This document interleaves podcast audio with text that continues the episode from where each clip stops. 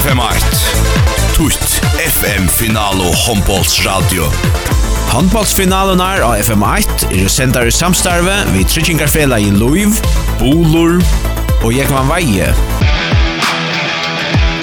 Handbollsen av FM8 er sendar i samstarve vi Faro Agency og Vestpak. Og idrotteren av FM8 er sendar i samstarve vi Movi.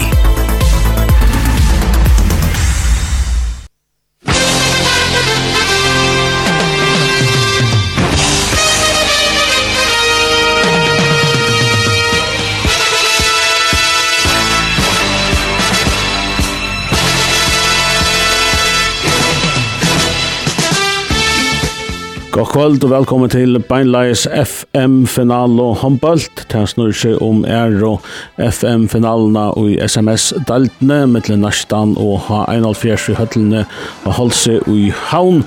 H1-4 er 8-1-0 og i samlav og oppgjøren. Og hva er fra som er er som vant, Sjurur Hildarsson Høydal. Kjør så vel. Takk for det her. Just nu är det lite röpt upp och han som är röpt upp och så får jag göra Djeva fra Luka Hattars, men kanskje nesten resten av åren her. Nummer 15, Ekon Persson. Nummer 16, Frida Holm Jakobsen. Nummer 16, Silja Heinsdøtter. Nummer 22, Nada Pejovic. Nummer 22, Sara Mikkelsen. Nummer 41, Anna Mikkelsen. Nummer 42, Lea Moore. 45, Petra Alarsen.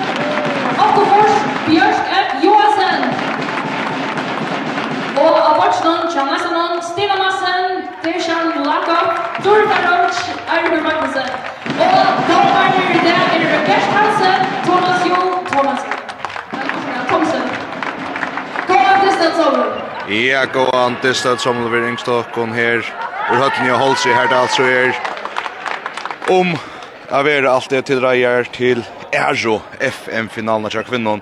Har jeg en først vann altså til første om til Lorstad vi leierkvelden, nutt og 20 og 24, og igjen dyste som vi er kanskje sinde mer spennende til enn enn til fem malen i måned, her er særlig en støv at han 5-6 mot resta og i ta i nesten ordentlig høtte vi at vi har minket ned ett mann av måned, men just da koppa et atri hivin, det var han fyrir særlig vi er noen størsk og størsk og nærmere i fyrre holda ikke som det er London sier i dag. Det er ikke nesten noen, tar ikke affæra til Parstellekup i sommer, Og i tog samband selja der luta Men tjenstan er ikkje at nesten er utan møvlaga her til Hoxie, alls ikkje. Hivein så kunne Heinakjørn så seg vi at her tidjast Louis Sender styrstar. Tog jeg nå er Rona Jekonstøtter Larsen atter i malen hoppra byrje her i dag tidjast som faste malverjen tja Heinakjørs i år som altså skal bli sera kjent for fyrir Sunja Rydgvi med den Anna. Vi er et løms ikke vi i stedet finalen i år i og i uh, halvfinalen om FM og i fyrre første FM-finalene. Det skal så sies at eh, bortsett seg fra hessar steva-finalene som at de kom nå Kjendelvann og Heinafjers og Heva Heinafjerner vunnet rymeliga trygt. Gaman i bæg mot Stjøttene og i mån nesten, så mundet det blev spännande. Og i hvis ikke at eh, nästa kvinna Atlas här. Av Oliver Edge är det spännande om det är så Atlas som Gjea som tær gjør det tar tær. Vunn og erkjennle og i halvfinalen noen tvær ser av samfunnet sikker som i røndevær omgang er spennende. Nesten vi stersk og stersk og average her. Der skal vi finne nekka til samme fram. Kanskje Alluide Sinder kvassar jo allopa Luther som är störskare i Sverige og han Luther som är fler bjärskare mal, ta tar blöver handbollen också enfaldigt här her nok til nu. Bjärskare, mal og gå över støver, så, så stender vel til. Nästan börjar vi bøtten her i Aero FM-finalen 2023 mot Hamjers Giovanna, Stranden Arsbjerg mal av Vinstra Vange, og så kommer Solbjörshöj, Nadja Pevic av Vinstra Batje, Amine Maria Polstetter Nølsøy, og høyre Batje Ingo Kristina Persson, og står leggeren fra senast. Bjørsk Johansen i högra vången för att få chansen här. Rona Larsen vid dagens Mr. Bjergik. Innan stryk, det är så Petra Larsen. Börjar i all någon hon skifter. Det stender i Myverden här för i og Och ratteliga avhavers här vid nästa. Bröts jag lite synter i motpläskapet vill jag säga för att han berg mot Kynle. i holdfinalen og nå til i första FN-finalen. Det här är Petra Larsen och Nadja Pevic väljer mittfyra. Ölja, Hö och... Och mye Myverden. Och så Brynja Høy, som kanske hever Eh, Vars Myverden här. Hon Verje så ut i av högra Da fire vinstra bakke tja, Heinan Fjers er særlig Jana Mittun gjør om seg. Så avgjørs en reaksjon på å få Jana Mittun, han sin det neutraliserer ja. Nå får det som takler Jana nok så vel, Heinan Fjers er nere Køyre og Alobøk, han skal vi nå ikke overtake av Lidj, den jøkken skulle faktisk til at Gjeroks nok så kjøtt her. Maria Veie inn og signa, bøltene leser, næsten er bølten, næsten er bølten.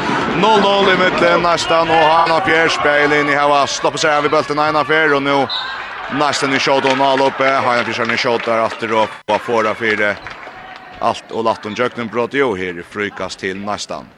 Frukast till nästan. Har jag försökt en skifta löv vänster Sakariasen in.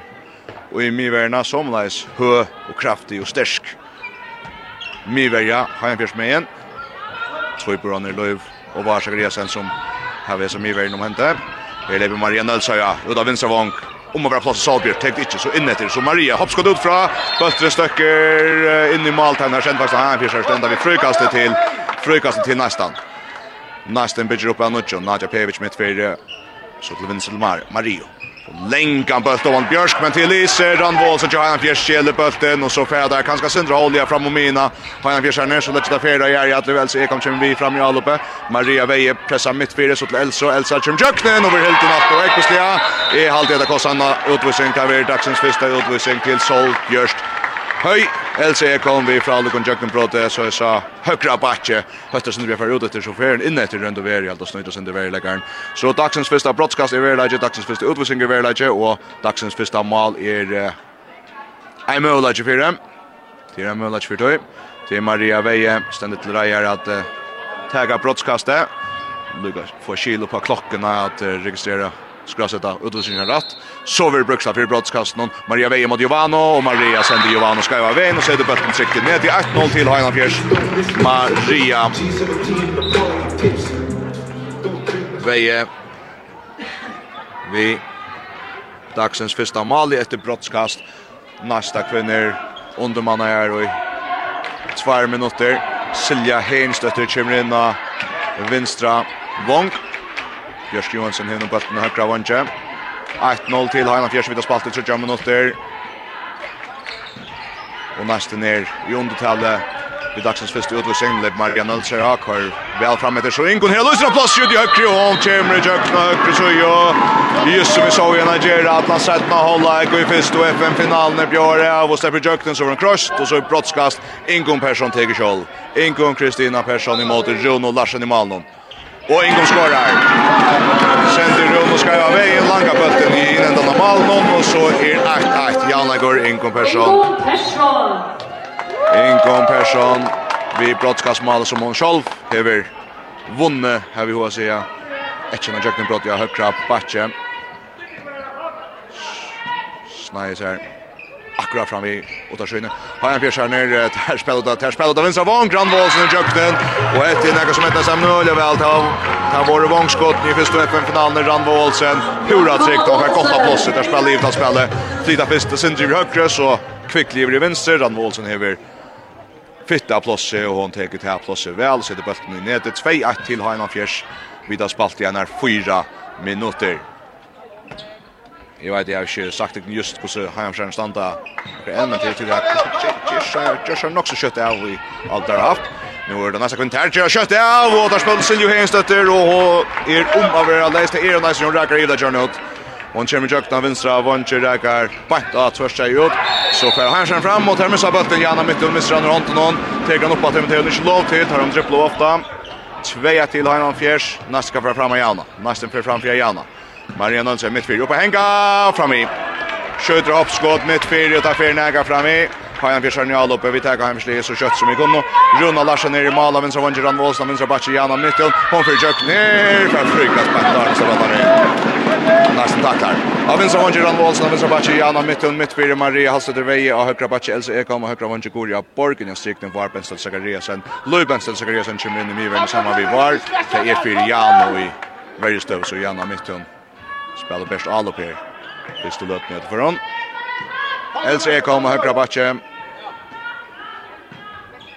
Spelar samma backen som fyrdar sig att den till vänstra lägger av mitt fyra Maria så Elsa till som hon högra som Maria. Inte helt nökt vet här. Blir om det riktigt att sikna så har vinstra backe Jana mitten. Uta vinstra vånga till Randvålsen efter Jöknen och skårar att tryckt. Ranva Olsen med sin nör och Malio. så vi tror jag till Heinalkirch. Tror jag till han fjärs nästan kött jag lob Natja vill möta rätt jag högt mitt fyra och hon fet hon fet. Som röna snäga sig fram vidare tackling och så kastar fram mot Randvo. Och Inko Persson ränner otroligt väl hem och Fär med som skalla bulten av Randvo. Och så ut till Malkas. Nästan i bulten nästan i bulten tror jag till Tror jag till Hanna Fjärs nästan ränner väl hem här och vinner sig bulten tar jag Heinan Nathan sig skjuter lob tror jag till Hanna fjärs nästan jag lob 6 mot Parner Salbjörn Höjer med Natra Vinsravång.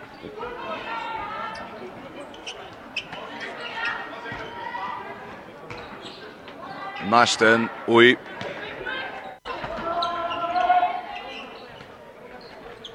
Alo Bjatter, Nadja, kommer kvicklig in mitt fyra. krossa Weird Inguna, slipper ikke alla Thieler, så Ingo ska rønne Munchen, negger ut till högre. krossa till Nadja, Nadja bojer, Och så blir han tackla til mitt fyra rättliga högt. Ettas ölja väl för att stäcka henne i arn, hon blev vandar med chill och kommer i ferien i måtet att få, få stekken så köttet fra bulten.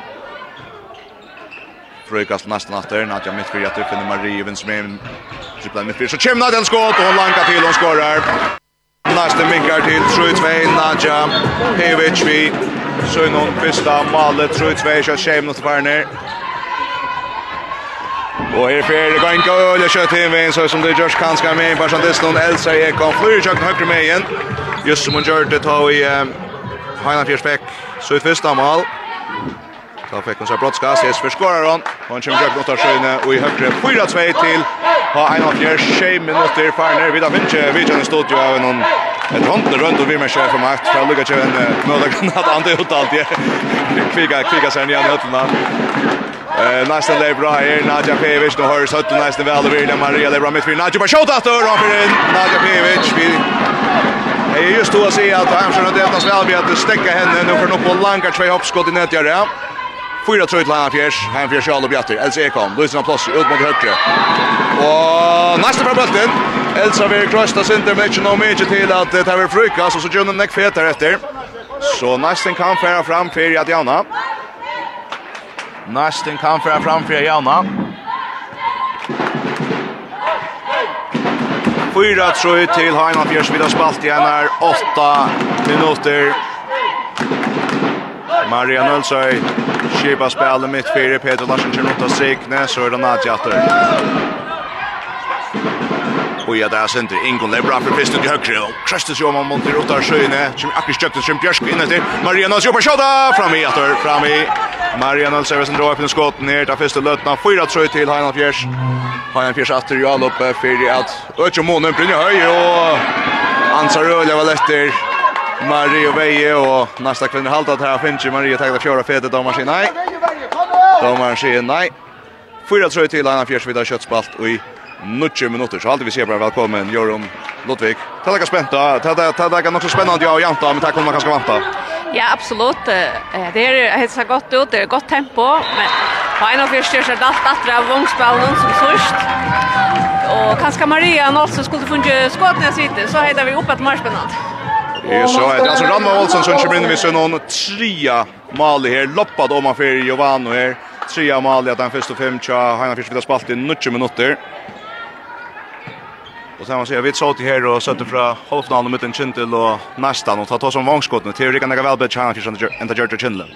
Ja, det må man säga. Alltså, på i vänk nu tror jag att det förra finalen finns ju öland på sjur och ta det rikar så gott så fortsätter man så inte men i vant det att Johan och nästa mål någon häver lyse väl på men det en särta inte så snart ut att att det är nästan join att ta det men det blir nu. Nu går bättre nästa någon. Kommer Jack och tar sin vinst just det är Maria som bröter Jökn att han vägen över kröst och här är brottskast en gång Kristina Persson en gång Persson för att tacka och allt är scary chimrin. Og i malet tja ha 1-4. Her altså Runa Larsen spaltar første minuttene. Jo, Alta Bjergar, hva for returen til det stromman. Har en fjerspæran, har en fjerspæran. Alta skär vi Bjergar, så fräda kött fram efter han fjerspæran för om min här. Nästa kvinna röna fotas här hinner med in. Maria Veje in mot min ena signa och frukast till ha 1-4. Frukast till 1-4. 5-3 til 5-3 til Heinolf Jers Och också en känsla som att Dors misstag att jag bränner brottskast nu och känner sån. Ja, och och det var kanske helt enkelt ett ordla gott brottskast. Det var inte synd mitt då och tävlar där inte då till någon match. Spelar väl här sen men så kör Johan Björgen här brottskast här är brottskast. Där spelar Marie Vej i Jökten i vänster söje ju hon kommer i Jökten tar sig det sista Petti och här är hon Oreka som mycket att här är brottskast till Hanna Fjärs. Johanna fick Petra Böltnon men man nu rönas i åter mot brottskastet från Mario. Och skorar Maria. Maria Veje skorar och så är 6-3 till Heinolf Fjärs. 6-3 till ha Heinolf Fjärs i mål till nästa någon. Och nästa Njalo Bjatter. Och nästa Njalo Bjatter. Nadja Pevic mitt fyra till vänster till Marion alltså som nu kommer till högre, in kommer gott press från högre. Oh, Ivar Stöle, hon kör hon kvetar efter. Ivar sitter kanske kvar så kollar fram ett här kör ner och att det sitter inte väl runt oss backar fel tror men så blir det jöknen. Halt att pressa sen det kör han där.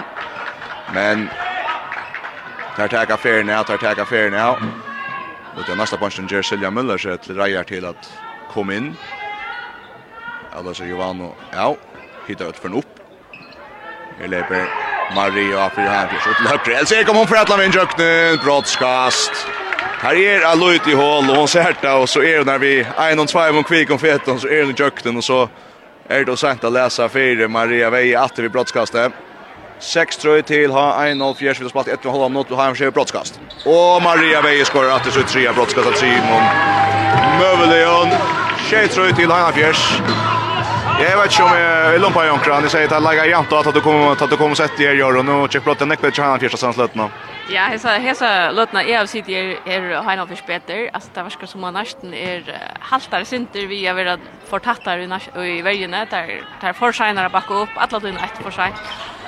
Och ja, nu skiftar det som Malman ut och det kanske akkurat det som French till nu att där skorar på sina 100% chanser och Malman tar. Ja. Shade tror till Hanna Tjejtrøy til Heina Fjers, næste spillen strikna, bøtten är frukast och kommer att kammer kort eller så Ekholm. Petra Larsen i strikna, strøy støylet vi alltså Elso med er kjær faktisk den, två trutje kroppar om kottlet, enda gulden och ända vi en frøykast, en nytt allopp til Nästan vi röpt där det syns såklart en igång till vänster. Leba där han kan mitt för Boja sen det Maria där Kristoffer Smith i skott högt till England. Chim går upp här. Röna Kristoffer Smith strik då och han har att i mitten men här är Eisen Fruga så ska det nog vara en kommer först ödet han ska släppas upp bulten och nästan Berskora tror man nu på 12 minuter och 40 sekunder har han 48 tjej tror Maria Nilsson och Lebra mitt för det är tackla. Vi tackla. Frukast. Håndtja domaren är uppe. Tekin fyrir dralen, hun skulle kvika seg næsten. Maria mot høyre inkom, mot Nadja oppa enka, og hun takla, kakla, hun vil simpelthen pilka. Arno slipper at, Arno slipper at, Aloysa skotja seg ja. Så stilla der en Suchar lägger fyra en sån här mur så för Nadja skjuter mitt fyra och där sitter väl skottet. Där sitter väl skottet. Så jag Sia Nadja där fjorda tja nästan någon. Schäfer till Heinafjärs. Och jag har sett att där för nej nästan. Ja, alltså men det ser ut som det här nog snäck in mot mine och här är en brandvärja och jag är nog fjärs alltså undsläpp för Boilo och var som akkurat nu. Och det är akkurat som det bor röna att få spela ut med en backavång till att mitt för er här är inte chanser jag en nog försvinn. Det måste ha hamnat det första det snart få inkna en särlig jökna åt sin högra det så det kanske är en för här ute jag kanske träffar runt där. Här löper har han så. Kyrsa. Bra stäcker för Pyssle lever dagen och inte bra mitt för Jan är om man får plats. Kan se domaren fruka skåla tacklingar i nästa värjne. Goda tacklingar i nästa värjne. Och stäcka Jan och mitt och ta Natta Särfen och så plats mitt för det. Tjej fyra till Hanna Fjärs första minuter Farner. Maria Vejen mot Jusol Cherry nästa vägen i den och vinner bollen. Brynja Höjlendra bollen. Och nästa för Jalop. För jag mycket om månen. Tjej fyra till Hanna Fjärs vid köttspalt. Jag korsar Maria Nilsson. Om man finner sig plås men akkurat inte. Frykast till nästan. Frykast till nästan. Tjej fyra till Hanna Fjärs vid spalt i första och en halvan. Minuta förra hålla Julius här i Aero FM-finalen i Chakvinnon. SMS-deltene i Chakvinnon. Tjej förra till Fjärs nästan. Fäcklast upp i en gång hoppskott i Janne. Här går inte finns en tröja allt där nu. Björk Johansson kan få platsen till Vildare. Steppar där fram vis och Maria Tjadda i köknen och här är Björk vi ska brottskast ja. Maria Nalsøy, da brøst til Vildar litt, det er faktiskt finns en crosser som inte sitter till nesten någon. Där skulle crossa vi är till uh, Antona Nadia ska crossa till Bjørsk og omvendt, og så kör bøtt liksom från vi, och han leikar tveit etter någon är er ner och så stjäl Bjørsk Björk bult alltid själv och så får den Ivas Tövi och Maria Gakten ut med alla vem jökten. Hon får själv att ta broadcast i allt av Skärer kommer natter hon tar broadcast från Ingunn Persson och Janne. Är det Maria Nilsson. Skorar. Sätter bulten upp och i målhållet i högre med sig. Allt av Fjärs inte in med en. 25 till Hanna Fjärs nästan här. Mikko Blom tror jag för nu. Maria Polstötter. Nilsson. Vi första målet. Sönnen och i det. En störst upplevelse i hoppet halvfinalen och halt vet sagt att kanske få en sinne scen och ja här till faktiskt i finalen. Ja, eh det hade jag absolut att snä att flyspelningen är kvar i sust var bättre men det kan gott vara att Chindley är Naga som matcha Marie bättre spel mot det. Det här är Sinter Ansliker som hon själv och skjuter av fötron och sånt så men jo Marie manglar vet att så och tack krävs det snä för jag nästan ska göra det spännande. Så så gör den här Mario, en ära Mario till Maria Veje tja, heina Fjärs och Hon skorar så första mål upp de spelade och TV en hon ser ett chans här till ett undronskott kommer i fjärden. Inne mot Mine kanske Ludsen ut i högre långa bulten fram vid Mjätnanar i vägen och så sitter bulten i nät någon 8-5 till Heinan Fjärs Maria Veje vid från kontraskottet. Nästan omskipar sig sen den Champions Johansson har högra back med inkom Persson för att sätta sig ner av vanchen. Björskleps av mitt fyra krossar Marie Nölsö så vi är till Nacho kött om han högra vång så för Ingon spukt till jökte men Bruno Larsen sänder här, hon ska och malkas till Heinan Fjärs. Ja men dömer nog så väl alltid så spelen utan att ända vi någon uh, faktiskt vänsterbacken i högra vång, och så var det nog stropel. annars allt gott spel det skulle prata om vång. Ja, här skulle Björkstad vi sen en lama på akkurat då. Men ja, annars var det öliga gott spel och här var tempo och i i all upp någon och tack släppa där för boy. Det bo halta att tempo i för släppa boy. Och då han chans rönna krossa tempo upp där spel mellan vänstra vång och han var så skjuter några väl om han fyrer. Och skjuter några väl om han fyrer. 8-5 till Hanna Fjärsland Wolsen. Att det blir störst spelande här fyra hålla 23 mål. Nu så hur de stäcka och Nadja Pevic. Hon är bärna. Han svettas här men några väl nu. Skor så fjärde mål kommer i Arbelgen alltså kommer tuskade fram i mot vägen och släpper upp från och langa till och så är 8-6 till Anfjärs nästan i mycket Tromonen. Else Ek kom händer press för Anfjärs och kommer över köttet just nu. Marie en mot min här Jana Jana trippla så läsa att han inom den högra vån går bak för Jökten ut ut i högre och han skorar väl. Hon flyger Jökten ut i högre och skorar sitt första mål i dag. 96 til Heinald Fjers, Seidjan og en halver minutter færen. Och nästan att han för att han för vid Simon en annan affär. Nu skiftar der faktiskt när jag högra vanje nästa nu spelar Björk Johansson högra backer och Herver Niklasen kommer in högra vång. Mitt fyrir Nadja Pevic och när Haida kan jag krossa Bjørsk, kommer bak press mitt fyrir, hvor er Marie Marie Atle Bjørsk, Gott och skott om han högra vång og Herver släpper Akish i jöklen. Släpper Akish i jöklen. Börjar Lujas och Ratsch och nästan omsorg andra och Nutchen Ekot i vänstra backen. Maria Nölsöj och Elsa Ekholm. Vi har någon tökon. Här vi Värjeläggaren som vinner tacklingarna först. frukast till nästan. Maria Kosta till Nölsöj. Vi har få bultat tre efter några krossar.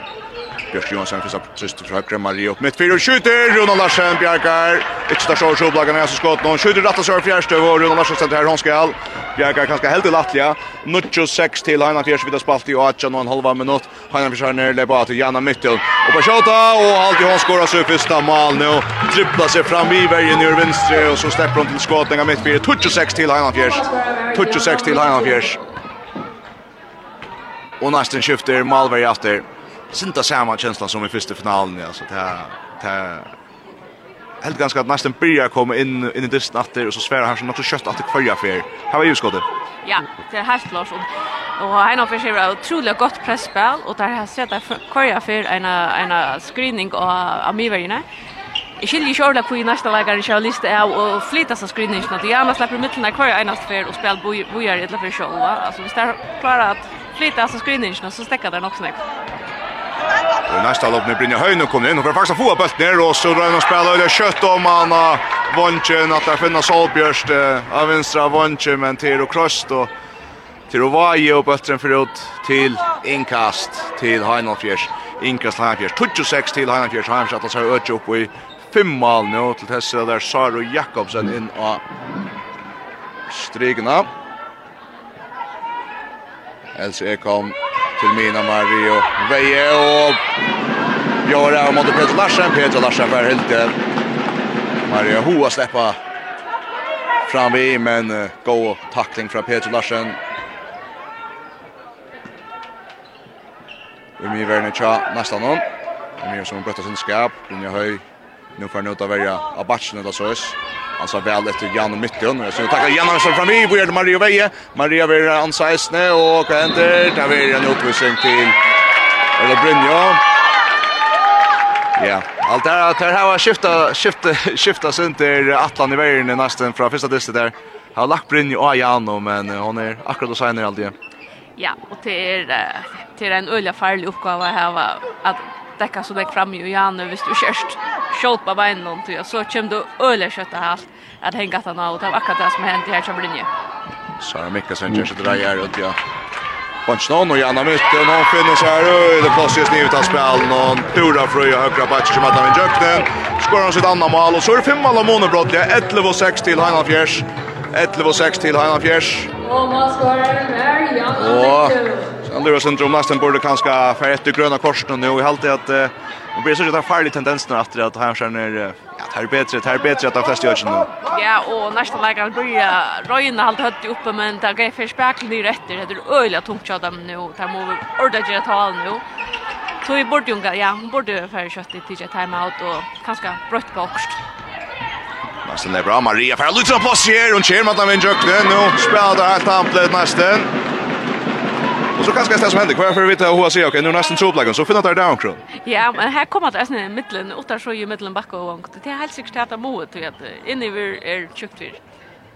Alda Skære kommer natter broadcast i hon tog Det första broadcast i det tar mot Ingen Persson så jag ner runt ena för mot Maria Nilsson så att tantis som Maria. Nu är stand där att det Maria Nilsson mot Alda Skare och Maria langa bult upp i målet Alda för rätta vägen med bulten sitter och näft och harst Så det fyra mål om månen, nästa minkar om månen, 11 och tjej till Hannafjärs. Gott brottskott. Ja, att det var nu Maria, hon testar brottskotten tror jag och och hon får nästan själv jökna när och färda och hon hon kämpar för att hålla nästa linje. Ja, han försöker ni skifta sin ut, det blir helt postet till Chimen högra var Anka, Mine Chimen Lewis Zachariasen in. Og ut av vinstra vånge kommer Ramvål som nu jöknen, där spelar han jökna vänstra vånge, Notchen och skottet, Jora Mali där. Tölsje til Heinald Fjers. Og etter jeg sett Heimansli så skårer Øtlund plassen.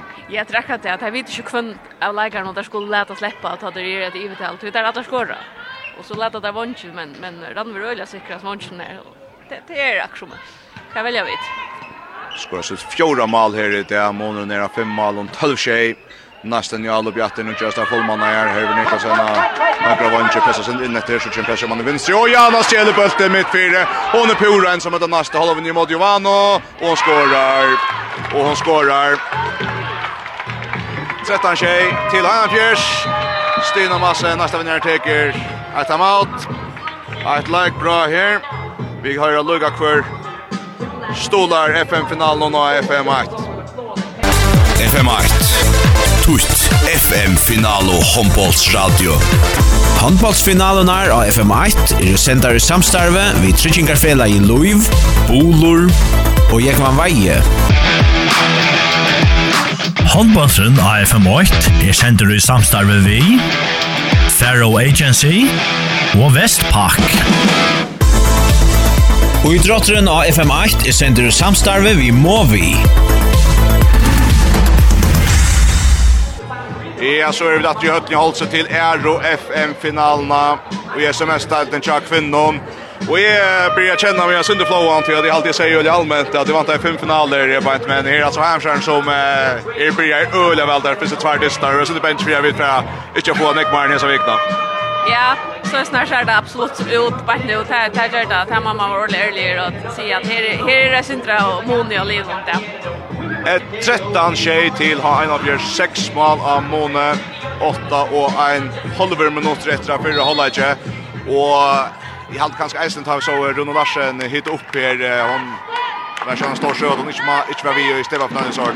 Det är ganska ödja som tar favoritlaget på nästa i fotboll. Ja, absolut. Hon hon kommer in och, och hon hungrar sig kraftigt att släppa spela finaler till och vara så oöppen inte över vi släppa finalen. Och det det gör det nästan inte mer tryckläge att ha att en målman nummer 1 att han fyra.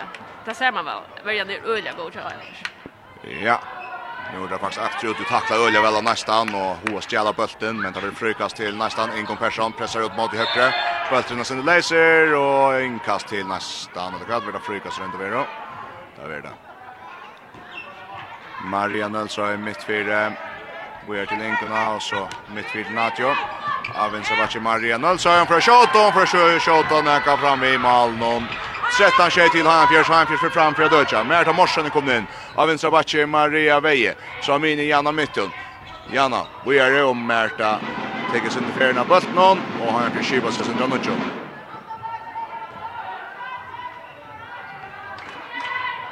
så blir det språket redan också ren och största att det är vet nu och Mert i den högra backen så det är till öliga profiler och öliga Bratley.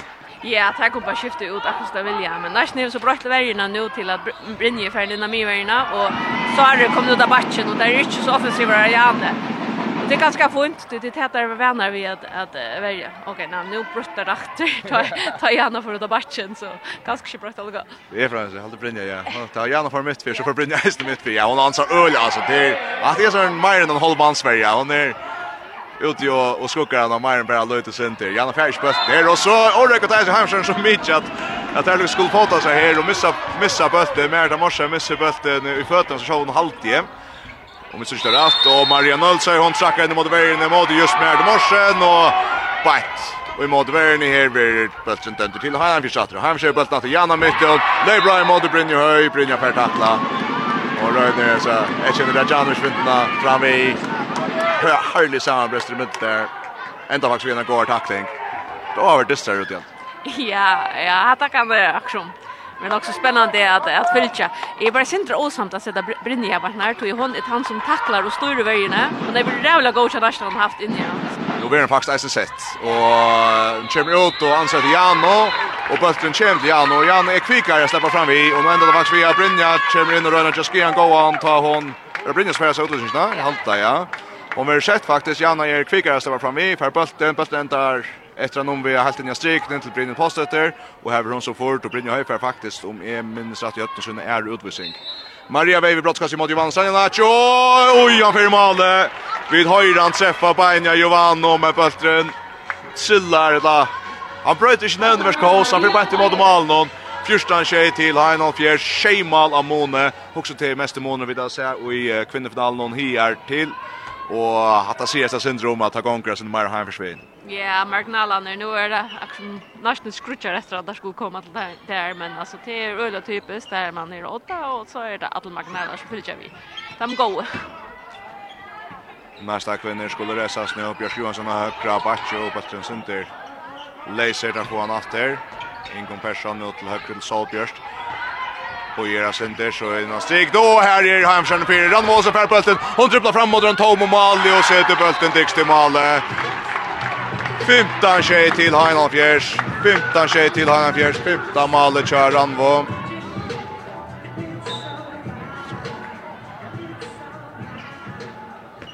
Nej 15 tjej Jag glömde att skriva komma så. Ta play efter Gerard.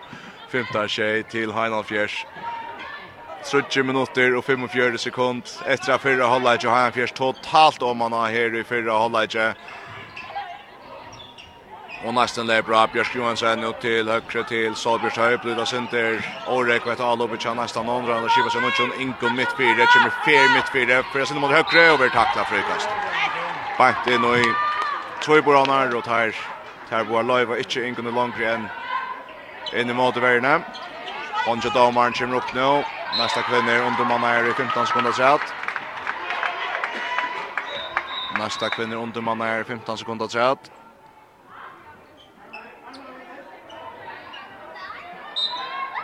Og nesten er bra. Ingon Persson. Vi er i. Og Heimsjern stjæla bøltan Nutsjon. Malveri nere inn i Hesper, men ut i Å, så er heppnja synder vi nästa någon där kanske att dona sig med Tja Heinan Fjärs inte helt här där plea vidare det här vi just då där svida bulten fram vi en frun likar och så fram till inkast och nästan i bulten åter nästan i fullman åter så blir sig det brandanga mittfyrre och vi tacklar frukast frukast Tvær minutter og en 45 sekunder etter for å holde ikke nesten skal minke Minko måneden nu Her kommer Nega Vel at Rom, 15, tjej her i fyrre holde ikke.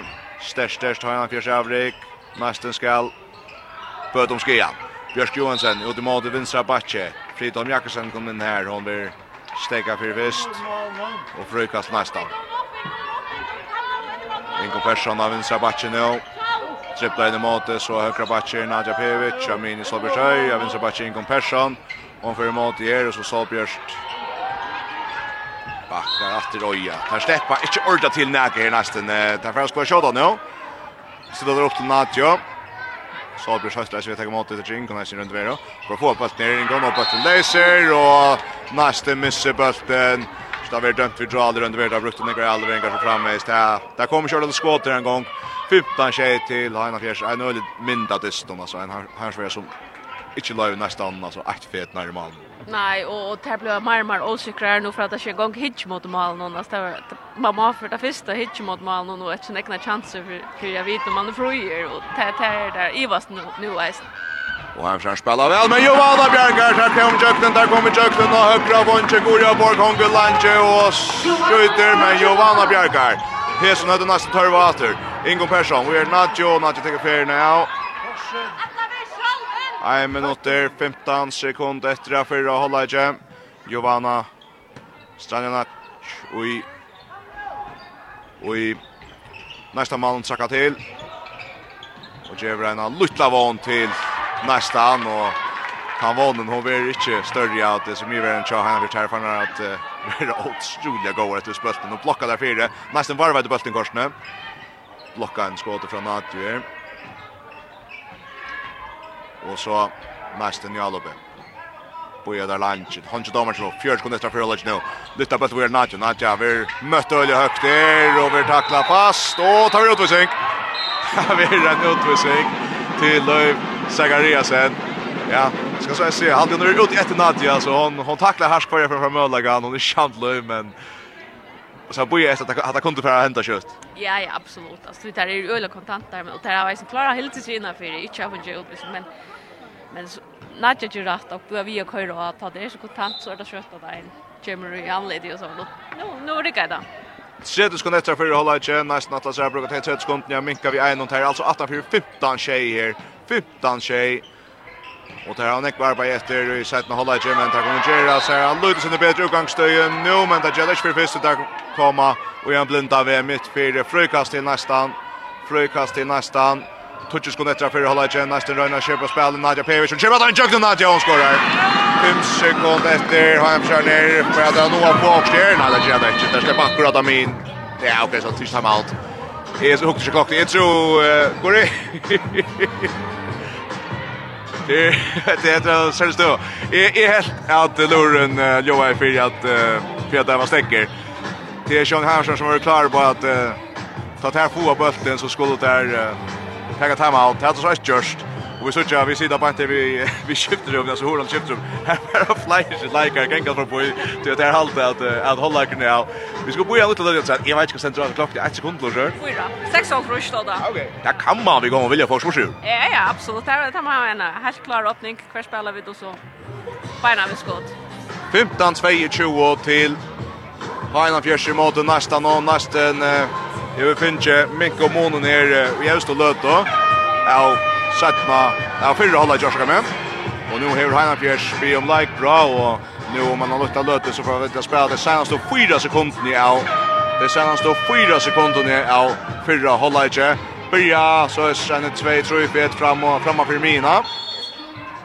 Och så kör det igen och så skjuter Maria längt ut fra. Johanna ska ta sig sätta spölt men helt inte mer än till att det var näka vant jag för 15 tjej till Heinan Fjärs. Så på lucka på en en löte jag kan vi få plats 15 tjej till Heinan Fjärs. Det här må vi bara säga att det här är ett Iberia samfund och samfund i övrigt. 15-8 ständer. 15-8 passar, glömde jag sista målet. Ska inte göra värre än det är. 15-8 till Heinan Fjärs i allt det. Ja, det här bröt inte på honom lyssna. Nej, absolut inte. I allt det. Det är öliga hormoner i någon. Og hvis det nærste virkelig ikke fyrer inn og finner på okker, så kan det godt være skrattler hvis jeg er noe av fyrs ordentlig og blir vi og køyre Vi er snir, gyr. Og det er sindre åheppet, har vi nå er i en finale, men men det är alltså har en av för sig över så det inte allt och och och tar fortsätta och så så det kan ska inte passa blåst där är det mot. Ja, jag känner kanske att här kanske har så funnit att det är bästa spel nu.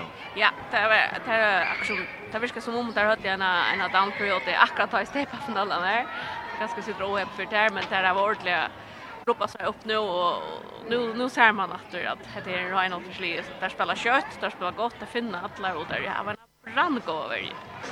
Så så gammal nu i i förra distan att ha var småna var allt var 6 5 i hållet så det är 6 poäng efter hållet. Att det har vunnit blev spännande.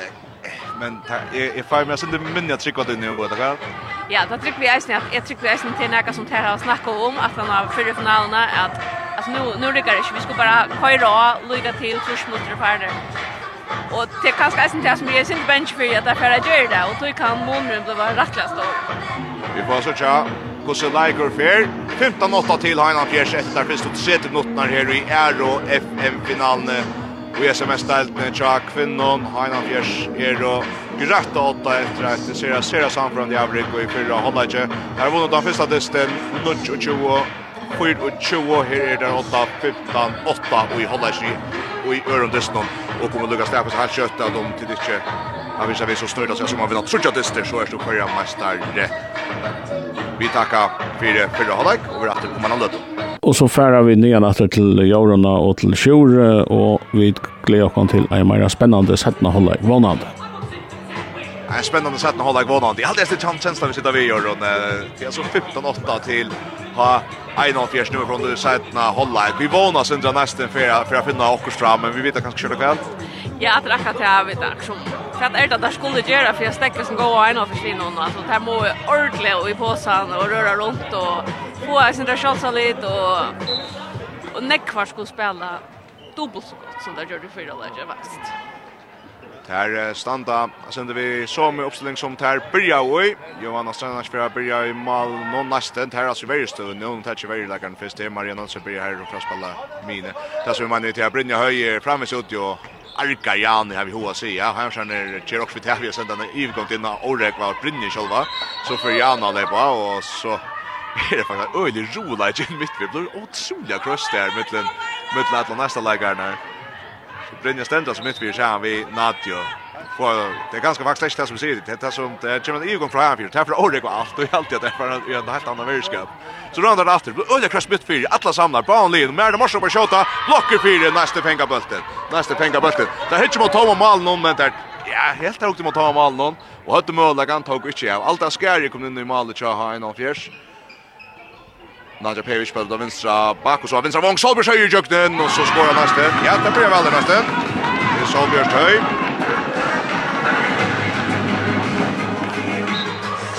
Och ganska akkurat ut mot Absolut och Nasten är färden halde är till det bästa att att ta färden i 6-0 efter och Brynja är så Amina och ta ta det kan bara vägen och nu får jag tempo upp och köra upp och två såna trätt så jag sitter med smartarna. Akkurat 15 nutcho till ha en av fjärs, nu kommer du stäcker och torska bulten så får jag ta hans liv i jöknen få skil på det. Alltså allt skär blir en i mål någon här så av vänstra vånchen Ran Olsson, vänstra backen Maria Veje, Amini Janna mitten och högra backen Merta Morsensen och högra vänster Goria Borgen. Jag stryk ner var bäst att checka det Här är vad så är Matus ner nästa linje här.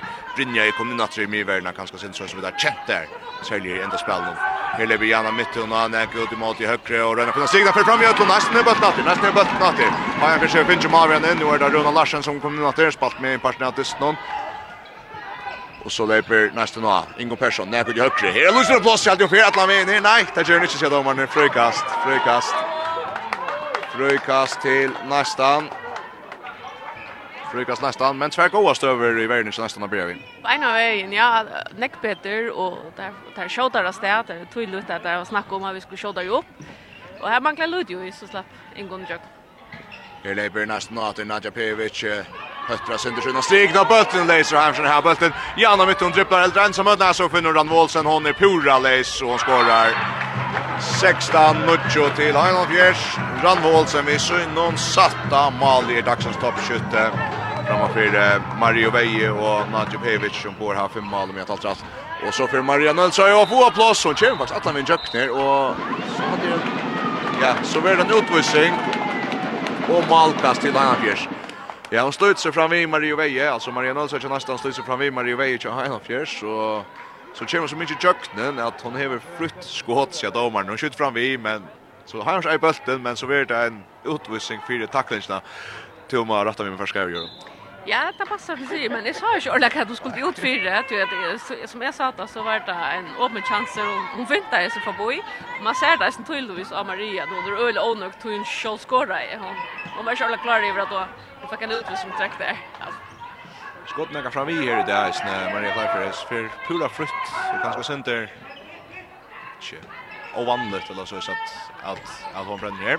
Här Leper han för så LC kom där ut i högre. Här går jag bort och Giovanna stannar match Bjarkar.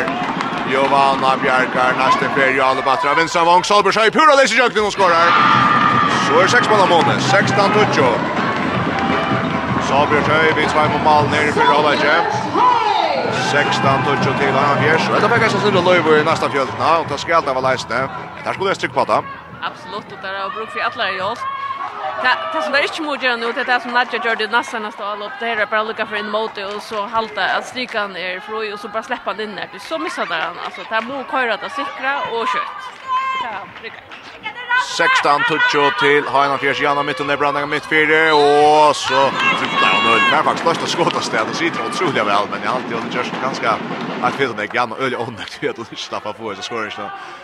Jag vet att otroligt mål i runt över men alltså frukast till Heinolf Fjärs Else Ekholm och Janna Mitton på ida bulten med mittelsvinden till höger så kallar Levinson när det morsen så skiftar där sönder. Mera kommer fel mitt fyra när på ida sönder så Janna kommer fel vinstra backe. och man vinstra vång Janna måste bli jukt ut. Backa där över där han kör ner. Att Merto så Janna vinstra backe. Janna in i modus Merto Merto på hänga och bättre för målet. Kjøm mer til til, ja. Han skal ikke enda skåte kjasse her oppe og henge midt fire. Så ikke det er kjofta opp. Det er snøytsjokk vekta fra vi og. Det sitter helt nere i foten hon. Sejan tutsch til han fjers. Ja, og her er Røynovisk og godt hål, der boi og boja til chansen i kjemmer her. Jana Røyner køyre og Amma blir dekka, og så slipper man bare til Merte og fint mal. Og så får han gynga bedre til nesten, og det er vi som ser med Jøkken Brotten som Jana Kjamari og Paulstedt Nølsøy som kommer Jack ut av sin vinstre, kommer Spides då sista pett i jökten og ligger vel i luften og så er det Sejan Edlin neste minkar mån vi Mario Nelsson. Och det er den første mal ur åpningsspillet. spelet. Sejan Edlin till Hanna Fjärs. Han stod han vær eisne, tullja i 17 hålla i första finalen minnes det. Här lever han för sig. Högra backe, så backar där näka, så vinstra backe, Maria Vej, och stäpplat alla in jöknen! Och Atchan ett till Hein och Fjärs. Rymmar jöknen för brott från Maria, och fintar där slatt. Öjla går finta från Maria, hon ser det, inkon hon ständer flöt och hälnon, och tar er där nämnt att då har finta. Fjär. Nadja Pejovic har skått satt av mål, Rennes skott mitt fyra skjutast mitt fyr, jeg vet ikke, men det støkker fram i Malver av noen. Og han Pøll til Heina Fjers, neste minka måned vid Nacho. Nesten takla vel her etter, Heina Fjers er frukast. Ja, det er så et för en läkare som nästa nesten skulle vara glede för det. Jeg skulle ha sex mål att han tøll til nesten noen. Adjan Pøll till ha en ein hold. Adjan Tøll til Heimann fjärs. den där smiver in här og det står Aper, så vil det pakke etter her. Heimann Fjers sender en ega strikspelare på här från Vinsa Vondje. Så leper Heinan Fjers av mittfyr. Frida sig attra Sinter. Janna mitten mot Modi Högre. Merna Morsen. Kympa den kökna eller kväll. Kympa. Ja, hon skorar. Sobersnö ser att hon är stäj. Fyra och skorar tråk. Men nej, de har sidan inte ställt innan fyra. Så det blir sig till. Merna Morsen till Nujant Höll. Merita Morstensen till Nujant Höll. Ja, spelar ner. Ja. Nu får jag nästa kunna spela väl ut Björk Johansen och Rona Larsen vid Bjarchenko i Heinan Fjers Malnon. Björk Johansen kommer till Mölaga ut i högra vantje men eh, Runa Larsen ständer fyra nujant höll till Heinald Fjers, nujant höll till Heinald Fjers. ja nu nu har det stäbra vilka som han ska ska ha vinnande Malverdes näst Ja, akkurat. Det var roligt godt spalt och jag nästan under spaltet tot alla ut av vånchen, men så ständer Malmö Heinald Fjers gjør jo ju opp mot där gärna vånke i gang, som den av på blås. Där tippar mitt mitt för och Det har faktiskt rycka fyra för dräck nu till dem, så nu borde nästan att säga till. Faktiskt ett av samma mycket här där faktiskt sjätte upp PS för och så hade det bara vet att tvåa bulten röna på en strik där för fram i Ötland. Jag hade hört några rött i rött i raska på så jag ser vad kvar jag för och vet att Johan nickar känner. Jo, akkurat. Aktion det kanske är nog snack nemmar jag ser det bara när och så där men jo alltså har en av fyra kanske två öppningar som det här var riktigt fullständigt gott och det blev vi att köra där och köra där och köra där. Och ta bort det nästan haft som en motspel till det. Och randar ju alla på nästan. Ingon Persson, det är bra när i högre, nu i högre av Vanches. Har spelat något med Minia, vänstra backen Maria Nilsson. Krossa Vujer och så kommer Jana mitten och stjäler bollen. Hon är ensam att loppa nästa halvne fram vid Malvejan, Och skor inte, hon skor inte. Johanna fer upp av flickpa alltså rönner att sprälla och Johanna lägger bulten under på Enja Johanna med bulten stöcker och hon driver där ut och hinner inte att Maria Nilsson kommer till oss nej hon tror tråk sig där Hon er tråka Marina Boar i höstla efter Marina så att nästan in i måte Maria Veitja, Haina Fjärs och tråk blir dömt emot nästan någon. Nu är han tal till Haina Fjärs och nästa gakt ut riktigt ta. Haina Hanna försörjer så kicks eller Jemster. Nej, det gör det riktigt. Det gör Feiler blå vi gör Feiler. Maria Nossi hon röjner ordentligt arbetar så själv med nu hon har just varit uträck Feiler det är öliga tungt. Alltså, man ska inte också om hon är ung, men hon är redan dröj med igen. Men det är tungt kön bara nu. Nu då här som spelas inte Löje Kura Borgen då nästa han har vinsa vanchen där strikne men så pratar sen det sprätt ut att han säger igång där och så ständer mest väl över in compare in compare vi går går tackling Och här har Albert bättre Maria Veje skjuter och Giovanna Bjarkar Giovanna Bjarkar Maria Veje kommer till det där hoppar han till undran och kör sig mitt fyra och så får Maria Nolce hiva in och tråkat det ja ser då man röd för och nästan missar bulten åter Maria Dolce rönnar bra det jökna vinstra backe men bättre för att han fjärde han i all uppe och där släpper akkurat inte mål att göra Nu är jag håll till han fjärs. Och vi kommer på ända tag och själva så det här nu nu ständer nästa vecka väl få bulten där får Bjärkar och så går kakten då där släck Nej, och, och ska helt själv jag blev ju inte med men det var tre för vi träcka Maria för fram och alla på Jerry Fai. Det är ju harst en person det blev vi men men hon var kvar då.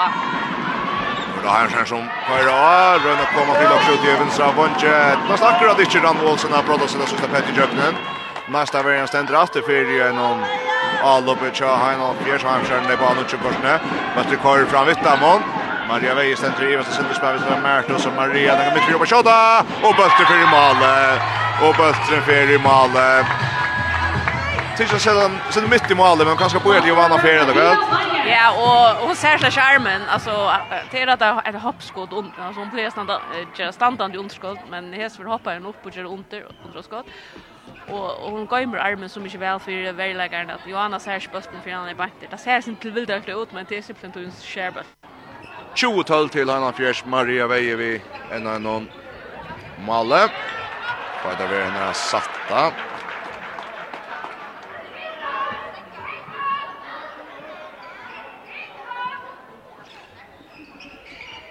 och han och nästan rätt i alloppe. Nere Pevic upp och hänkar Rona Larsen Bjerkar hoppskott någon tar väl inkast nästan mot alloppe nästan. Mot alloppe nästan.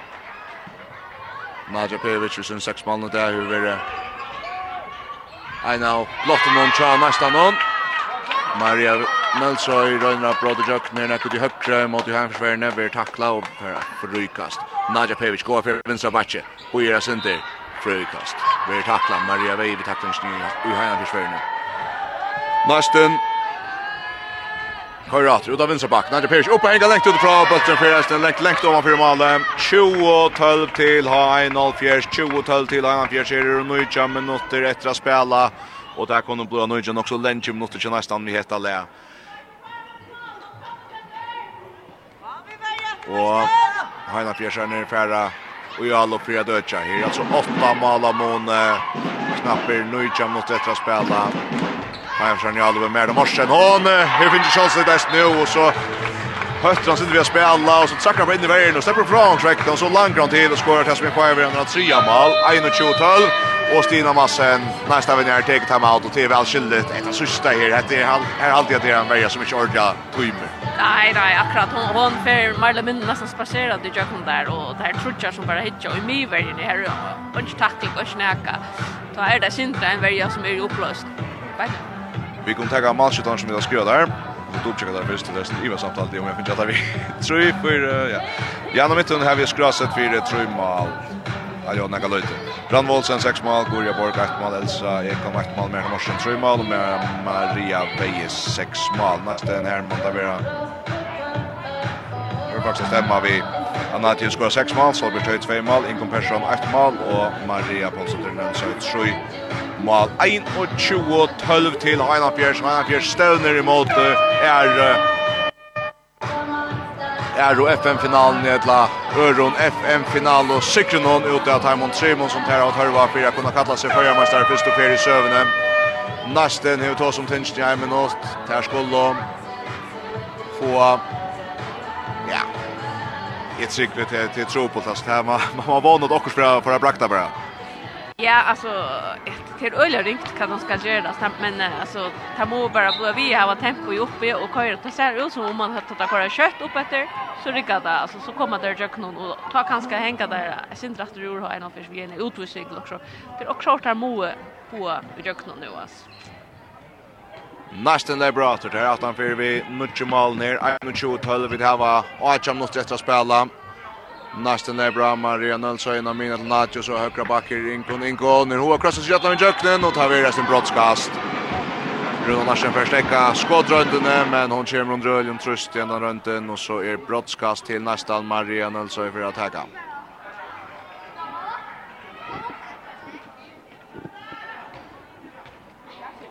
Maria Paulsdøtter Nønsøy mot Rune og Jakob Jakobsdøtter Larsen og i heien først malen og Maria sender vi og Runa Bjergar Runa Bjergar 21-12 til en av Fjers og Runa Larsen vi ender nær brottskast Bjergjeng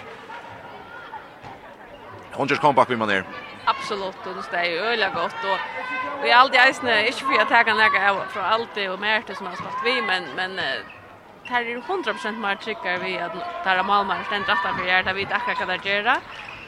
Och hetta vi öliga tog tjäna stan nu. Öjliga. Få där möjliga min kommun att nu till Janna Mytten för att köra om man fyrer vi en rännskott mitt fyrer men nästan två i bulten på inte fötterna av villagaren och chans här. Bulten ska komma kött fram i alloppe. Han sitter snart väl. Han sitter och tatt i golvet och Ja, ein och tjugo tal. Jag kommer också med för att jag och Brynja var så att ta ta för Danmark på. Kan nej man säger man bäst men det vet att ta fisk blir ingen ytterst så glömde sen hur så kastar och loftar alltså bättre för fötterna. Ja, akkurat att det här var en elvering som mycket var mer än 2 meter mittel där alltså och så där kan man fötterna alltså ta ta då där alla. Men det är ordentligt att det gänker så illa nu där skulle ordentligt. Bara röjna att köra. Kom man Maria Veje vi undrar skott någon mitt fyra där kvar bollen väl att dra fram och så kommer någon till skott mitt fyra Giovanna Bjarka vi fått någon Nadja Lendra bollen någon och Narsika fra framåt. Framvis 1 och 20 12 till Heinan Fjärs vid spalt i kött första minuter sätta hålla igen.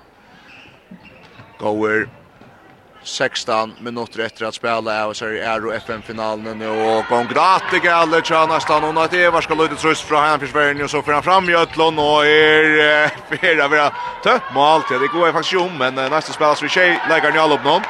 Och han som kastar mot Tom mål. Någon och Johanna där in och fär stäcka bollen och så händer en liten rolig här ta i bollen ska stå upp. Är nästa lägger helt till bollen innanför eller gott ja innanför mål tajen och så blir ju track och här är ju bulten och en annan affär alltså där får han Bjarchink och han tar inte av en möjliga men han ska bäst natten Ja, och man liksom man ska bara ta bulten, man ska bara hitta, man är inte strackare strykna och nu är helt ensam att så att säga. Och så gör man ta feilen så kostar det att det är ett stad värde. Han vill själv att Janna mitten bröt mot vänster till Maria. Runt om med Amina med Marsen högra backen Maria Fair mitt fyra så högra backat till Merto. Av vänstra backen Janna bröt jagen kommer spukst ut och tar sig in och blir till frukast. Det frukast till frukast till Hanna Fjärs. Hanna Fjärs är ner Leba Anuchon.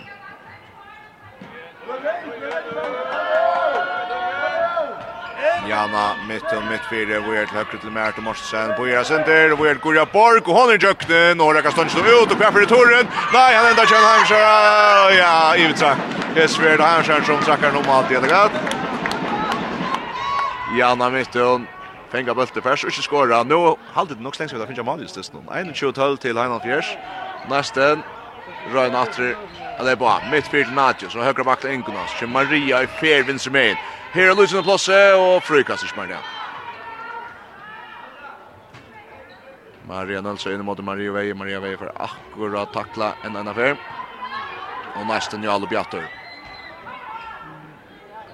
Brynja Høy kommer rundt av striken, Der spiller Time Strikspilleren. Shea alle barn. Onko Mavir. Nadja for Bashota. Og tar Giro vel. Og slipper til å hoppe skott midt fire. Vi kross opp og langa tid, Han skår seg kjenta mal. 21-13 til Hanna Fjers. Mossberg Nadja Petrovic. Och också Petter Bo skytte och tar spelar väl upp nu och så det det är inte det är inte till också jag. Det var skräck. Ja, det var som så när vi vi snart jag blir spalt upp och kommer fair sen det för bo mina. Så så gångta alltså men men det är bara inte vi som ska göra själv allt arbete för arbete och allt. Hon ska bara vara en sån skytte som ränner upp och skjuter. Och nu spelar väl han ner till Leo på marken men hon ska fetcha mål. Jag vet inte där är Johannes Bjärkar att om till om till stanchen eller om för bara panta stanchen till det här bulten ändar för att vara en utvisning till nästan efter det. Alltså Maria Veje som har vänstra bara sitt in och i halvtid hon hukte ett så han skär när och till att det är hon spelar mitten på en inland en vångskärmer i övergång. Och ja, Hej alltså för mål så alltid gott att kunna sagt att dagsens mål så framvis ölig alvering. vad ska du vara annars Bjarkar runt vet om bara för Banta Stanch Eva var på Argechim med fru i Jöknen. 21-13 enda vi har utvisning, jeg vet faktisk ikke hva fyra akkurat, så her henter det av nekvis enn vil si. Ja, det var et fabelaktig, altså Maria, hun fyrir öll at det jumper helt annan vi, og så kommer bare Barbara her, og, eller Eva Barbara, og renner i middelen, og Jag hade inkon hängre sen där. Det var det? Jag tror det var inkon som var det. Björsk. Ja, Björsk, Björsk, ja. Hon hänger oj och och för utvisning men det det absolut. Det var känt mål. Det var så gott spalt. Nästen Lebrater så blir så några mitt för till Matjo så ut mot högre som bara mot vänstra vänstra backen Mario inkon mitt för så höger backen Nadia bara så är perfekt man kan ta fältet åter. Marian Olsøy bjør at fra vinsa batje og Esfer slipper hon til okkur seg over brottskast. Slipper nok så lengt ut i åttarsøyne mot Mario Veje. Esfer slipper Maria kjenner nästan hon framme og så er brottskast fryta hon Jakobsen for å ta alt av skær som minutter og i ha en halvfjers male. Kjømmer inn i halvfjers male her. Altså framvis 1 og 20 13 til Heinland Fjers. Vi har spalt i Seichan och en halva minut av sätten hålla jag så är FN-finalen. nästan här mellan Mikko Mån nu Det Gerard där som plats ska Frida Holm Jakobsen vinkar Mån till Ayn och Chu Jakobsen.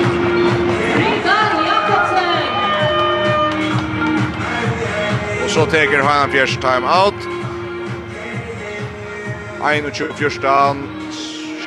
Amoni after og vi høyra lykka hver hjelpbrokna sia fra FM-finalen og FM-8. FM8 Tutt FM Finalo Hombolts Radio Handballsfinalen er av FM8 er sendar i samstarve vi Tryggingarfela i Luiv, Bolur og Jekvan Veie Handbollsen av FM8 er sendar i samstarve vi Faro Agency og Vestpak Og i drotteren av FM8 er sender samstarve vi Movi.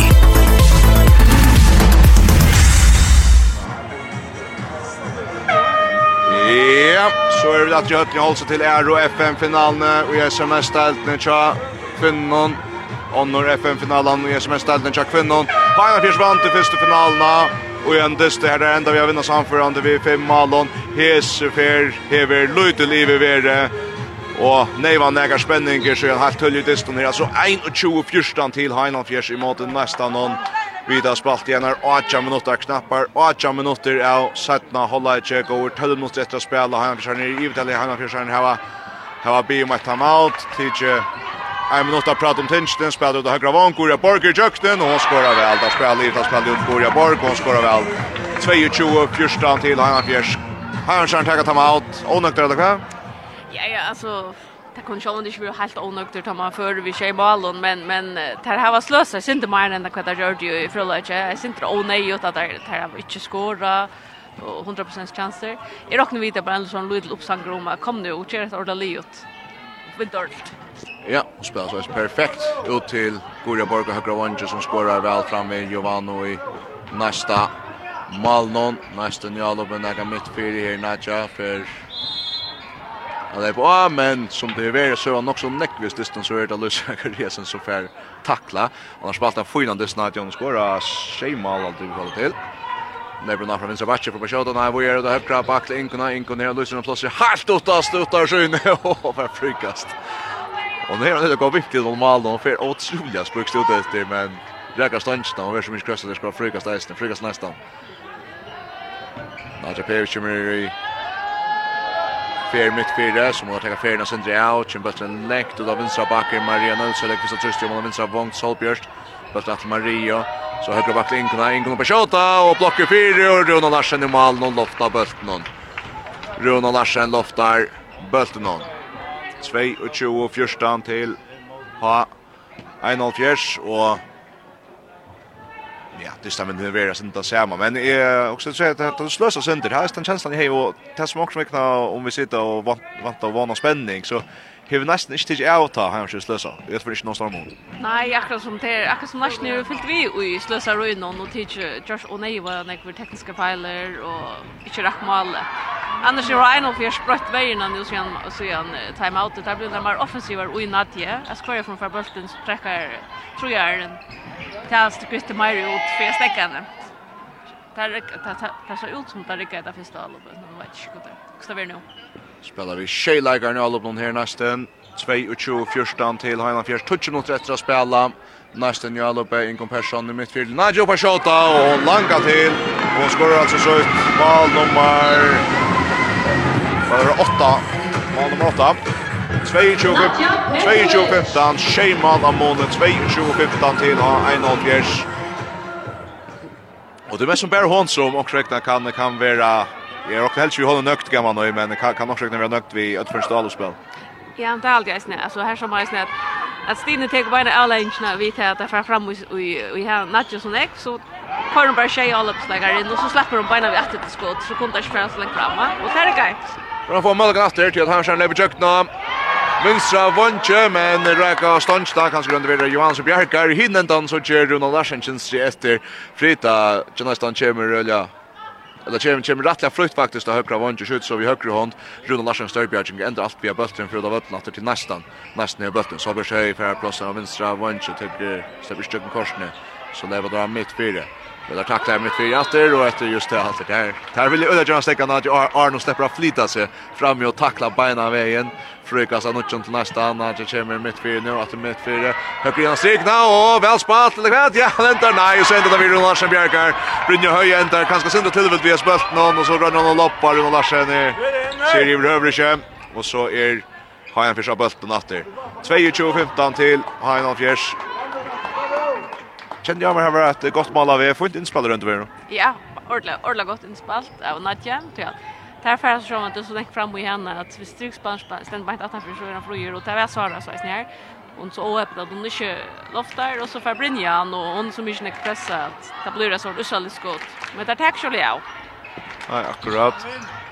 För han försöker lägga mer av morsen Björn av och mer helt Brynja höj backar väl upp då. Mera Morsen är bra vänstra backe. Mera Morsen spelar vänstra bakker. Jana mitt ungefär en steg. Spelar sammen med Marie Veje. Kommer. Ja, så alltså det öliga detta med Risko bulten här som Ivers och Sender släpper sig bulten korsne. Ut Elso Ekholm kör mer mitt fyra. Tripplar näga vart Elso Ekholm och tråkar där in i vägen och tråk dömt emot i Heinolf Fjärs. Tråk dömt emot i Heinolf Fjärs. Nästan kött i Alubatter. Framvis 22-15 til Heinan Fjers vid här var Chimairen går shameless efter att spela. Nadja Pevic ropar shot att dörr, lätt. Vi har tacklat helt helt av denta. Vi har tacklat helt helt i öst och löte. Och nästan är brater. Och nästan är brater. Framvis vi så någon tjej lägger on. Kolla Runken fra streken, kommer Nadja fer mitt fyrir jatter, hikker av streken av Virat av vinstra bakker, Maria Nalsson kommer tjøkken, og stemmer kjølet skåd, så hun atter så fram fra Virun, men Runa og stender bare og lofta bøtten, noen som var ikke verent. 22-15 til Anna Fjärs, Anna Fjärs i alle bjatter. Ut av högra vanker går Borg och skorar Ulja väl och Ulja spucks av högra vanker. 23-15 till Anna Fjärs. 23-15 till Anna Fjärs. Jo, ser vi kommer bara ända och kon mer och mer men det är så distribuer vi ända tagga sig. Allt det heter till er det samma som händer om master och om och det är också enfalt att jag väljer China för som förstärka det allra mesta och mycket så är den Malberg 84. Och nu gång tack är man i halka alltså nästan här Roma finns en fria strikspelare men den spelar inte något gott. Nej, det ska spela så mycket så nu rättliga fröj och när det sätta men bulten för sig den fram igen tror ju 25 till Heinan Fjärs häst det blir alltså spännande ju. Nej, jag tror ju värre. Han var ju inte vid röjna ordentligt. Men helt står det ett näst. Nej, nästan är det faktiskt mer eller mindre sin dry upplösning. Alltså, vi ser Heinan Fjärs kör två gir upp så vart det mer eller mindre största på från nästan. Ja, tar förna skiftar sig väl ut nu och lucka arken ja minen nu alltså är kommer högra backen mer de morse när vänster backen som faktiskt mitt fyr nu.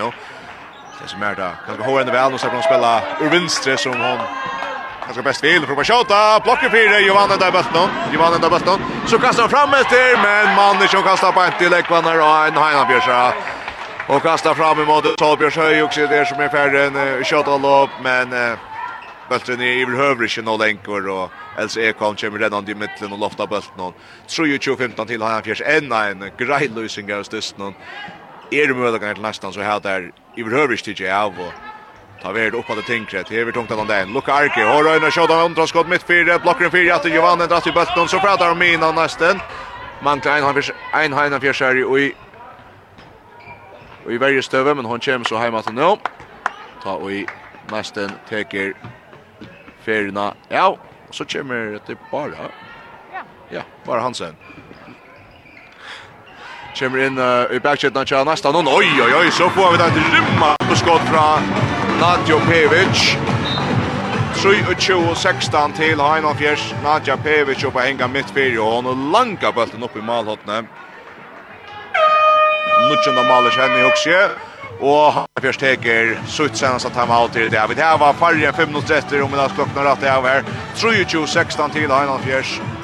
Og Nadja Pevic oppe henga og i gitt man vänner nu vill jag bara framåt nästa dess eller vad? Jo, det tror vi helt sikkert at det tog at Injo Mars takka time out. Där er var skift undan det vi utbart nu og nu skulle jeg lucka på att han har problem ska det vi köra. Så är det en god trening til tre listor. Jag kör ner altså helt sikkert det er at mina forsvinner. Men lasten her har var absolut ett gott kort i natt att spela nu til hoppskott til teorika fortet där. Och ni bara vill sin ensamma det mot til at Maria kanskje ikke har Og eldre man ikke kommer og flere ved timeballen. Men nesten kan helst ikke kåre vågjere på at vi skulle spela natt opp til eist et tredjest, og så skulle alle hinne komme til rett. Jeg ser også når kanskje det er for at Vanja skjer mot seks spill fram til fram til han distant. Ja, det er for at han er sen i, og Så jag kanske inte ofta vill se se skora så att nutje så går hoppskott i samma dist. Det är liksom stabila sex mål alltid är ofta haft hoa hoa att huxa vad det är helt rätt där men men det är ju men. Jo absolut jo jo och och ta ta så till och nu tittar det tvärstryker så tar där lucka lite fram och gärna och så får hon vara men frukt hoppskott och och hon häver så mycket gott skott att ta ta så att hon kanske gör skott för lite det till det.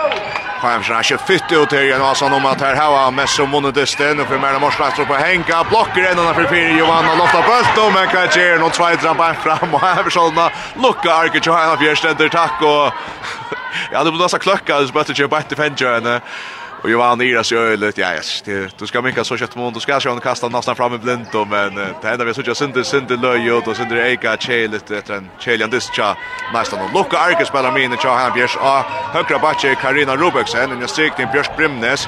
Det är alltså bredden, eller så ska vi robota tja, tja här Björs av vänstra vondtjer Eva Barba Arke och högra vondtjer Guri och Borg. Och i mål är allt av skärde. Merda Morsensen. Skiftar sönder vid backarna. Karina Robertsen från högra backe så kör Merda mitt fyra för Henga Trer och Hesper släpper om skott och hon skjuter bötten och Ulja väl om han fyra blockarna och helt nyrvöj. Och Merda Morsen. man får alltså fjärde mål om jag tar i rast. 4-2-16 till ha fjärs. 30 minuter efter till att ha en fjärs här endaliga stafesten han är annan FM-final och serien chassar han annan av Simon. Timon Simon tar törva bara Hansen in i av vinstra Bashicha nästa någon. Så spelas in sen Nacho, Nacho där bult ner och rör nästa på den streak när han lutar av plosser men inte no mycket frukast nästan. Frukast nästan. Nästan är bra, bara Hansen mitt fyrt, högt till Inkona. Läkt ut högra vång, Frita i jöknen och skorar. Frita Jakobsen. Fyra tjo sejtjan till Heiland Fjärs, 2 och en halver minut etter. Jakobsen! Svær og en Holver minutt etter av seg er og FM-finalen. Vi er semesteren til kvinnen, har han fjersperat, letja seg åtta vi Tvajmon finalen i mot ungar til nästa någon och så första vinnaren Trudjar är förra mästare så har han fjörs öliga och korsta håndene. Bara Hansen för fram nu och ta i nästa kvinnor har vunnit sig bulten. Och i värjene 24 sejan är det till ha en halv fjörs. 24 sejan till ha en halv fjörs. Nästa njalbu bara Hansen mitt fyra. Søker til Ingena. Og Nadja mitt fyra vid ansa syndes og bara han sen innan stigna väl spalt Sara Mikkelsen för hon uh, sitt leisa akkurat inte så där. Bara han sen hykker mina och spelar innan stigna. Jeg spiller som i uh, versen jeg synes jeg ser henne. Nei, det er... Du kan være inne i Åkstam i år gammal nå, men... Ja, det er sent så gjerne, altså. Jeg har alltid stått av sånn etter til at... Jeg spalt sjolven ekk mot henne, og hun er en skinn spelare. Jag är helt alltid att hon var en av de bästa midläggarna i förr runt om spelade. alltså. Det glädjer lite alltså John After. Det så bra att Emma Finch hemma och på spalt ordet väl till en antrifland så kanske det kunde bli en joker att har brukt här i alla fall. Det här ska hända också inte Det lite. Jag kommer ta sig runt att det stränner lever här alltså för att ju säga januari där nästan så fram missar bulten och Marta Morsensen. Hon är färdig att jag tror att hon så väl i slalom hon hon är rött att komma också näckligt. Eller drakka rakt igen tutcha för när blockan här hon honom på vänstra backen och det två två sans jag faktiskt vill helt gå. Ja absolut men det håller bara hon kommer det synd för på en att det ska inte näck till så har där tacklarna hon kommer läkt den om tutchar. Hon är så mycket gott avsett och skott att hon kan gott skjuta näck långt ut från och tear eller timingen som skulle se ut. Bra nästa natta med kommunen till Mochiwacha. Det är fredag Jakobsen tja, nästa moment han fyra högra vann till Jim Jöknen. Fjörde sekund efter och Fjärparna kör ut och Lennon. Fäktast om att här nu för att stäffesta serien 30 sekunder efter 25 och Achan till har fjärs. Och har fjärs stödner bant emot Öron FN-finalsekron och Norda. Här som spelar väl med Mortensen. Vi är när Linda i Alvering, alltså hycker borster och spelar innan strikna. 26 Achan. Björsk Brymnes var det som fängade i bulten strik. Nu skårar jag. Nästa kan fram fram med att Mikko Monen men till bra pinta över Nadja och hon har köpt bara pinta sen då ska så touch normal. Godest till från Nadja. Pevic. Och så Eliot. 26 nu kan ända ta till ha en halv fjärs. Ein dyster. Här har han bjärs vär åtta alla tøyna så vi vi där sitter ju så känsliga av detta vär. Alltså det är akkurat spåren ju i nog så länka tøyna kan jag göra.